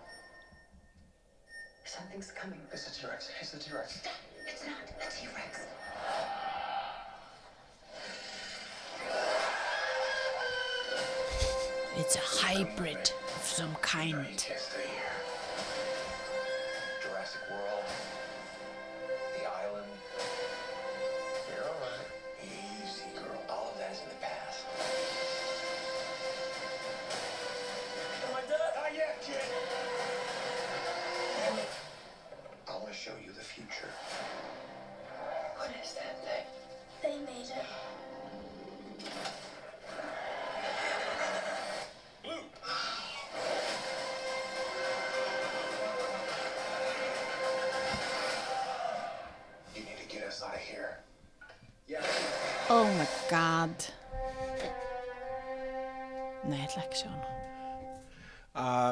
Uh, hvað ástæðum allir ekki að sjá hana? Uh, út af því að það eru risaðilega að borða fólki í henni. Já, en það er einmitt ástæðan að ég ætla að sjá hana. Ég, reyst, ég hef oft rifist við ævar og það Æ, svona... það kallar bara ævar. Já, sorry, þú ert bara ert svolítið ævar í þessu þætti í dag, sko. Uh, hérna, uh, vegna þess Er út að ég er peysu? Nei, vegna þess að þú ert búin að vera hérna, ósamála mér oftar en vanlega. Já, en þetta eru bara svona hlutir. Vist, meðan stjóri Asik Park stressandi og að þau eru aftur eitthvað svona amazing. Og maður er bara eitthvað, þetta er búið að gerast. Þú getur ekkert aftur labbað inn í eitthvað oh, They're alive, they're here Það er búið að segja þessu 1990 eitthvað og það er eitthvað ennþá að labba eitthvað að meist inn eitthvað fucking garð sem á ekki að vera til Já, og það er ekkert svo segir sem að, eh, sko, sem að vegur eh, vott á móti eh, mínum, hérna, minni ástæði til að sjá sem mynd sem að eru risaðælur upprópunumerki. Mennirnir eru búin að krukka í genunum. Það, er, mí- síðasta mynd handritið var lélegt. Ég sá ekki hlutverkin voru glötuð sögurþráðarinn, uh, ég man hann ekki. Uh, auk þessu voru nokkur móment þarna sem hafa bara svona algjörlega eye-rolling yfir. Og mér var það svo mikið drullur sama vegna þess að það voru risaðilur að borða fólk í myndinni. Og það voru margir mjög pyrraðir og um, þetta er það sem ég reyfist við ævarum. Hún fannst að vera svo mikið mannvonska í myndinni vegna þess að það var hérna kona sem að uh, var, uh, var ein, eitt svona kvæðlhutur, það var kona sem var alltaf í símanum og hún átti að passa börn. Hún var aldrei að passa börnin almanlega en svo var alltaf í símanum. Svo var atriða sem að flugaðlur ná henni og fljúa með hana upp og eru svona hálfpartin svona kastan á milli sín svo missa þær hana onni vatn það sem er risastór svona hérna, vassrisaðala gleipir hana. Alveg beautiful atriði og allir voru að brjálast yfir þessu og allir bara já, Jesus, það er hvern fyrirlitning og hérna eh, Magli málagjöld fyrir vondu barnapíuna. Eh, nákvæmlega. Og hérna bara já og átti hún bara að skila að deyja? Já, hún átti að skila að deyja. Ekki vegna þess En að það hún var- vond barnapía heldur vegna þess að hún var skrifuð persóna í mynd um risaðalur og ég fæ ekki að sjá að minnstakosti fimm manneskjur jætnar af risaðalum í þessum myndum. Þá erum fá peningi minn tilbaka og ef fólk allar að kvarta eða söguþræði eða hvort eitthvað meikar sense og allir vera cynical í garð myndar sem fallar um fokkin risaðalur að borða fólk þá er það ekki með áhersluna á réttum stað risaðalur, halló Þess vegna ætla ekki að fara á þessa mynd Já, ég veit það, þú ert ekki að fara hérna það vegna þess að þið finnst óþægilegt að sjá þess að hérna, Fólk þennan horror. Já. já. já, ég meina það er samt, þú veist, er voða lítið blóð í þessu, það er oftast, er oftast gleift í, í heilum umbita reyndar í Lost World, þá er mjög fallegt atriðið þar sem að tvær risaðilur skipta milli sín mann, manni Já, sem var reyndar líka ógna börnuna þeirra þannig að þetta var svona foreldrarisaðilur að, eh, að skipta milli sín matnum og að refsa hérna, manninu sem var að ógna barninu ég ætla að segja þér af hverju fólk er svona reytt yfir þessu. Mm. af því það eiga svo margir börn og það eru allir símanum. Mhm. þau sáu sig í þessari konu Já, sem var borðuð og refsað með lífi sínu. Já, það er hvers vegna það sína þessa mynd? Uh, að því að börnið þeirra vildu fara. Já, börnin er greiðlega með betri smekk en þau. Uh, En ég vil heyra meira svona heit uh, um uh, hérna, Marvel-dæmið. Uh, okkur þeirra heit? Eh, ertu eh. viljandi, okkur síndir mér ekki eitthvað trailer eitthvað sem ég er að fara að sjá? Nei, ég verð ég verð að nýta þetta. Get, þú getur ekki verið svona nonchalant. Er ég tilraunadýrið þitt? nei, ég reyna að búið þetta gott útásefni Ég skil, ok, uh, ég bara viljandi saði ekki til Marvel að ég ætla ekki að vera eitthvað óvinnsalast á mannskjan í þessu podcast. Og á móti öllu sem öllu við skemmtilegt. Það er glatað. En ég verð að þú veist, ég vil heyra það. Það vil, vil fólk heyra það. Já, en ok. þú ert heldur ekkert með einhverja alvöru fyrirlitningu. Það er ég bedkopp Já, þú varst að tala um Groot, jú, þú varst að tala um hann. Já, ok, en sko, Chris Pratt er það jákvæða við þessar tvær myndir. Uh -huh. ég myndi alveg nenn að hangi gegnum einu svona Marvel mynd. Já. en hérna um, mér finnst gaman að horfa á vel velgerð slagsmál, mér finnst það skemmtilegt. Já, finnst það? já, Ég held að þú er svona, finnst það þreytandi. Nei, mér finnst það skemmtilegt. Já, ok. Sérstaklega ef það er að lemja einhvern ógislega leiðilegan Já, en það þarf líka að vera þarf leiðilegan karakter eða svona bara svona mann, eitthvað sem að þú svona, ó, hann er svo vondur, hann vil drepa alltaf Bæ, bæði, bæði, já, það er bara erfitt að gera góðan karakter, góðan vondan kall það er það sem ég hef ágjör af í þessari af Marvel mynd er hérna, hver er vandikallin? hann heitir Thanos og það er búið að tísa honum þarna í, í, í Guardians, hann er pappi e, Nebulu og Gamora. Ah, já Hei, uh, hérna svo finnst mér Robert Downey Jr. skemmtilegur leikari. Og Hann- mér finnst hann, mér finnst gaman hvað Iron Man er pyrrandi Iron Man menna ég. Já, það fyrst mér vera alveg eh, frábært að hann skildi vera nettur dykk í þessu, það er það sem gerir hans karakter. Uh, og hann er líka nettur dykk í myndasögunum og, uh, og þegar að það var ákveðið að Robert Downey ætti að leika Iron Man þá var bara, það er fullkomið, hann er mjög góður í að leika nettan dykk þannig að það var svolítið fínt. Það sem núna fólk er að spá fyrir er hver mun deyja í þessari mynd að Hvaða er að Já, að þess að all, allar þessar Marvel myndir mun saminast í þessari mynd og það, það verður að vera eitthvað að veði, það þarf eitthvað að deyja sko. Ok, Ég er svona tákgrænast ef að kafteinnin deyr sko. já Captain America Já, Já, Hann er alltaf er svona- fíla hann nei, ég er nefnilega, hann er minn uppáhalds. en það er vegna, að- ég, ég elska hann að sömu ástæðum og allir hata hann sko. Hvað er ekki hrifin einhverjum karti með glerugu og dögt krulla hár Þess að það verður bara ókýrslega, ég myndi eitthvað sem leim það væri, bara þessi er minn uppáhalds, því hann er til ég.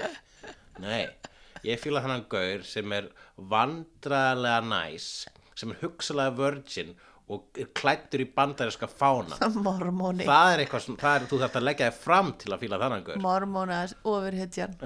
akkurat. Hann, ég held hann, hann er, hugsalega hreitt sveit, hann Captain America. Vá, vegna þess að uh, hérna, hann svaf aldrei hjá áður en hann fór í klakan í nummer eitt. Og, og hann, já og hann er sín ennþá obsessa yfir sömu konu þegar hann kemur fram í nútímanum. Og hún er hann gömul kona og getur ekki sofið hjá henni. Og núna er hann byrjað að deyta hann hugsaðlega byrjað að sofa hjá litlu frænkunar sko. ég skil. Mér finnst bara svo aðstæld að maður sé óhreinn. Óhreitin kottu þegar þú ert hérna, að missa mei eða svein dómin Já, já, jú, það er bara svona kristilegt eitthvað sko. það er alveg farlegt og þetta er svo mikið eitthvað fyrir eftir stemming Já, hefur við upplifað þá, þá skömm eða eitthvað neginn? Nei, mér finnst bara svo mikið áherslu á þetta Ég var að horfa á eina En það er bara svona í band, það er ekkert í heiminu sem við búum í. Það er bara svona í einhverju kristilegum bandarískum heimi og einhverju Þetta er svona... náttúrulega geðveikt og atrið að vera úlingur ú- Fulla trúabræða heimum. Það er bara úlingur, skipti þetta ógeðslega miklu máli Já, það gerir það. En síðan sko, það er bara búið að leggja svo mikla, mikla þarna, það er búið að setja svo mikið þyngd á þetta. Þannig að þegar maður er að missa þennan svein, dóm, eða mei, dóm. Og þá þarf það að vera eitthvað svona Með dómkirkjan um, Ég búið með að klingi mitt Þetta lána mér. Úps Takk um, Já, það þarf að leggja áherslu á það hann er náttúrulega með, hann er náttúrulega með þannig gamaldags hugsunahátt, hann, uh, hann kaftiðin. Kaftininn Já. Hann John Rogers Nei, Joe Steve Rogers. Já. Já. Heyrðu, uh, taldum hérna May Svein Mm.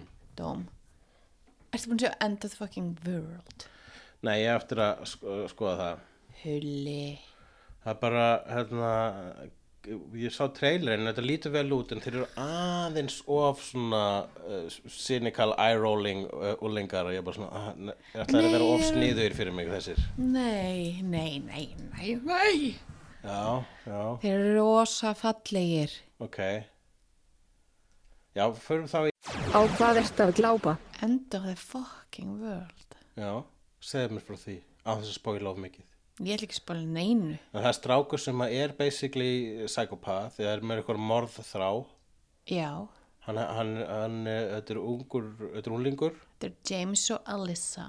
mm hann vill drepa hana hann veit ekki hvort hann vill drepa hana eða elska hana. Og hún er svona vinkonamanns sem gerði allt sem þú þorðir ekki að gera og var alveg sama. Ég satt við hérna svona stelp í kvennu sem var með headphone að hlusta vasadiskó meðan dönsku kennari var að öskra í andlita á henni af því hún lærði aldrei heima og fallega rauða hára á hennar bara liggur við blakti í vindinum og munninum að kennaranum. Og ég, ég var við hliðin og bara eitthvað að engjast. En ég var samt búin að læra heima sko. Og horfði bara á hana og henni var alveg sama hún blikkaði ekki augunum þegar hún var búin að reyta einhvern fullanum til reyði já, og ég bara ædolæsaði hennar hegðun en gæti ekki, þú veist hegða mig Er þannig. þú þá pinnur strákurinn í þessu svona, sér, ertu, sérðu hana með augum stráksins í þessu uh, end of the fucking Já. world? Já, fyrir auðvitað að þú vill ekki drepa Nei, en ég var alltaf svo hrættum ég væri síkopati þegar ég var unglingur. Okkur að því ég var hrættum allt. Ég var hrættum ég væri veik og geði og ég væri með krabba megin og alls konar, ég var alltaf hrættu við eitthvað svona. Og einu sinni fekk ég þráð ekki fyrir því ég var heima á sýstu minni og ég var svo hrættum að sopna og drepa þig óvart í svefni. Já, þannig ég svaf ofan á hundarum á mér. Þannig ég lág svona á bakinu með svona hendnar undir mér að því að ég var bara með svona þráhyggju og held að ég myndi vakna og löggan væri komin og ég vissi bara ekki hvað hefði gerst. Og ég hefði bara drepið í svefni og ég var andvaka yfir þessu og ég sopnaði Oh ógeðslega my þreytt ofan á hundarum á mér. ég held að end of the fucking world sé fullkomin þáttu fyrir því Já. ég bara búin að sjá trailer. Það var fullkomin en fyndið, ok, ég verð að tjekka á þessu.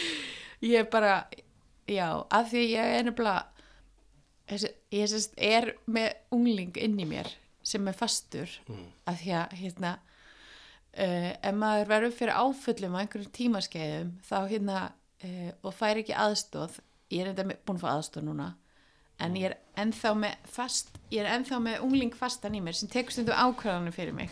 Já, og er bara eitthvað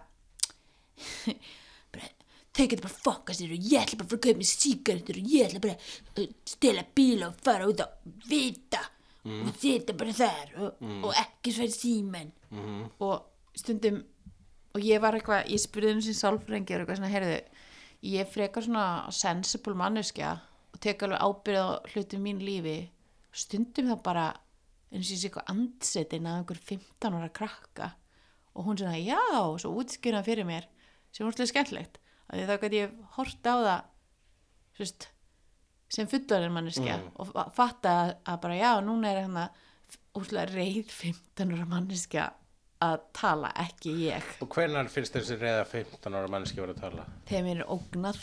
Þeir eru ógnað? Já, eða ég er hrætt eða eitthvað svona. Hvernig ógnað? uh, mm, bara ef einhver, þú veist gerir eitthvað svona hérna, æminn eins og um daginn með hann að gaggrinandan já, þá var, þá var svona mér, vitsmunum mínum var ógnað já, það er ég bara veit nákvæmlega hvað tala um. Og niðurlæging og Það þá byrja ég bara eitthvað, ég ætla að teikna bara ljóta mynd á þér. Það er þetta einmitt hérna, þegar að- einmitt að, þessi Twitter skilabóð, ég tók þau til mín. Bara, ala, og, og ég bara svona búin að hugsa um þau meira en ég þarf. Það, það var bara einhver unglingur sem brást við Já, Sem var bara eitthvað nei, það er ekki ég, ég er blöði blöði það verið að niðurlægja mig í fríminútum Já, ég fyrir svona þörfina í þurfi, sko, stundum held ég að ef einhver er eitthvað svona með að dissa mig, að ég verði að svara fyrir mig og ég verði að vera með mesta mic drop ever þegar ég svara fyrir mig. já, af því þú Í þurftir stað þess, þegar það er miklu öðuldra að gera ekkert, þá kemur eins og þú tókst ekki eftir því. ég veit það, það er alltaf best að besta hærótið er ignore.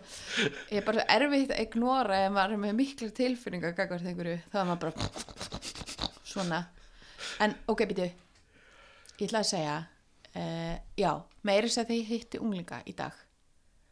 Og ef þeir eru eitthvað að vera með eitthvað cool attitude og fúlir Mhm.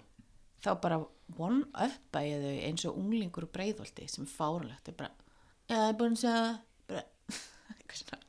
ok, flotta buksur það bara það hætti að vera fullorðin. Já, já, ok. Já, já, æ, það Þegar ég upplýði sjálfa mig, ekki. Þegar ég þykist vera yfir eitthvað hafi Já, ég sem ég hef ekki einu svona skoðað þér á.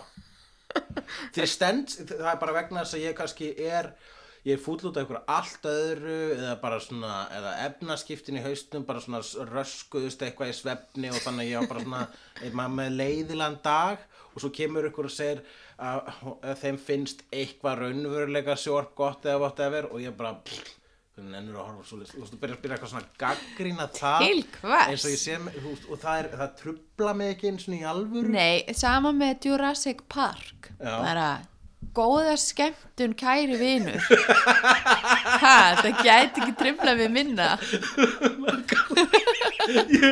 Ég var að stilla þessu á trailer annars- upp fyrir fram að þig og ég sá líka að þú varst bara oh, Það er engin litir í Star Wars. Aftur risaður. Ég ætli grúti eitthvað of krútulegur sorry, þetta trifla mig ekkert mér finnst það ógeðslega gaman eins og átni hann fyrir þetta með söm, sama vini sínum á, starfarsmynd og þeir eru svona hefð og Akkurat. Mér finnst það ógeðslega gaman fyrir hann. Ég bara, ég hef bara miklu meira áhuga á öðruvísi dóti. Þar að, Já. þú veist, ég væri líklegri til þess að fara að sjá Ewoks myndina sem er, veist miklu hallarisleira örgla en ok, ok, ok, biti, biti, biti, biti, biti. Já, hérna uh, Na, næri mikrofóninu takk. Já. Uh, Hérna, ok Hvað var það að segja? Að það fór? Já, uh, já, nei, ha, það kom. Ok, ég, fó, ég var að horfa á Comedians in Cars Getting Coffee. Þar sem hann var að tala við Jim Carrey og hann var að tala um þetta. Og hann kallaði það eitthvað svona litlu manneskuna þegar maður verið lítill og þá, svo gerði hann einhver svona, mjö, svona Hvað grínistu sagður þú? Jim Carrey Jim Carrey, já, já, já, já, já, já.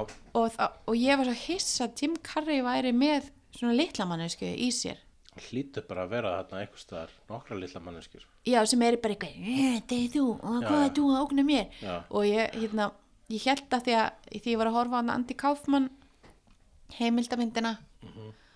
þá held ég bara að hann væri komin að því að hann er komin á einhvern ógeðslega skrítin stað Já. samt sem meika fullkomin sens uh, hérna og ég sko ég dýrka hvað Jim Carrey er að gera ógeðslega stór og ljót málverk. Mér finnst það svo beautiful. En ég get ekki hort á Comedians in Cars Getting Coffee út af því þeir eru kliftir eins og Top Gear. Og ég verð bílveika að horfa á þættina. Aðteglisvert og þeir eru eitthvað svona það vantar bara að gauðin eitthvað Top Gear, hvað, hvað, eitthvað að tala og, og svo var hann að tala alltaf mikið um anskotans og Lamborghini og Jerry Seinfeld. Þetta er bara Jerry að nörda yfir sig. Er oh, hann er alveg skemmtilegur að einhverju leiti en hann er bara svo mikill eitthvað svona bróðir mömmuðinnar oh, afsakið. Afsakið bróðir mömmu minnar. Nei, hann er bara eitthvað svona Þetta var, ég var voru stundum þetta enda þögn þannig hann er bara svo mikið vinur kennara nei ok hann er bara ökukennarinn þinn. Hann er bara svo mikið ökukennarinn og ég tengi ekkert við hennar mann en hann og mér langar svo að þessi þættir sig ekki kliftir svona. Ég gati ekki horta á þetta. Því mér langar að heyra Jim Carrey tala og setja stefja í bollon sinn úr mikilli fjarlægð og hitta og faðum einhverja konu Já, það er til þessari nú podcast það eru fullt af svona podcastum þar sem að uh, grínist að tala saman í real time og alveg uh, merkilega og ómerkilega hluti algjörlega óklift og þá færðu það svona beint af kunni sko. Já, en það getur ekki séð ljóta málverkin hans. Og allir hans allir til máling og bólur hans og hann er bara eitthvað geðveikt að fíla sig og það skiptir ekki máli þá myndirnar hans séu bara eitthvað hræðilegar. Skulum enda þetta á Dánarfregnir og njarðarfarir. Ó, ég veit hvað var að deyja hver pappin freysir réttir það. Ó, það er svo sorglegt Já. Marty Marty. Hvað fannst þér um hann? Marty, Já, fannst þér, hvað, ég identifæði mest við hann já. Að hann bjó, hérna, hann, hans kvöl var svo að ala upp tvo drengi sem voru báðir ekkert, ekkert eins og hann. Já Og Líka, já því þeir eru svo og ég myndi örgulega drepa mig ef ég ætti að þurfti að horfa á þetta enni á hverjum einasta degi Mm. Freysir ennið. já, Já, svona kannski fínt, þú getur svona því og svona. þetta er já, Ég heyrðu, vissum að, ég vissum að hérna, ef að Benedict Cumberbatch myndi spegla sig í enninu á Frasier, þá myndi að líta út þess að Áskil Kolbins.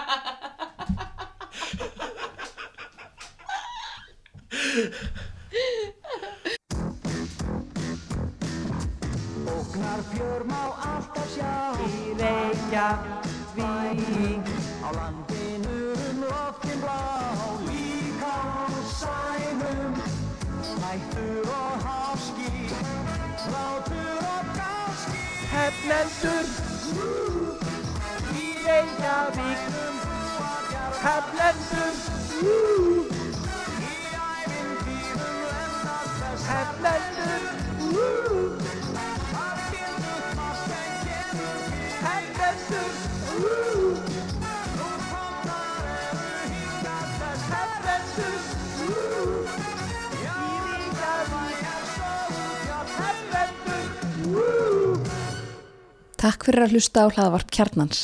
Þú getur sótt fleiri þætti um allt milli himins og jarðar á vefnum kjarnin.is.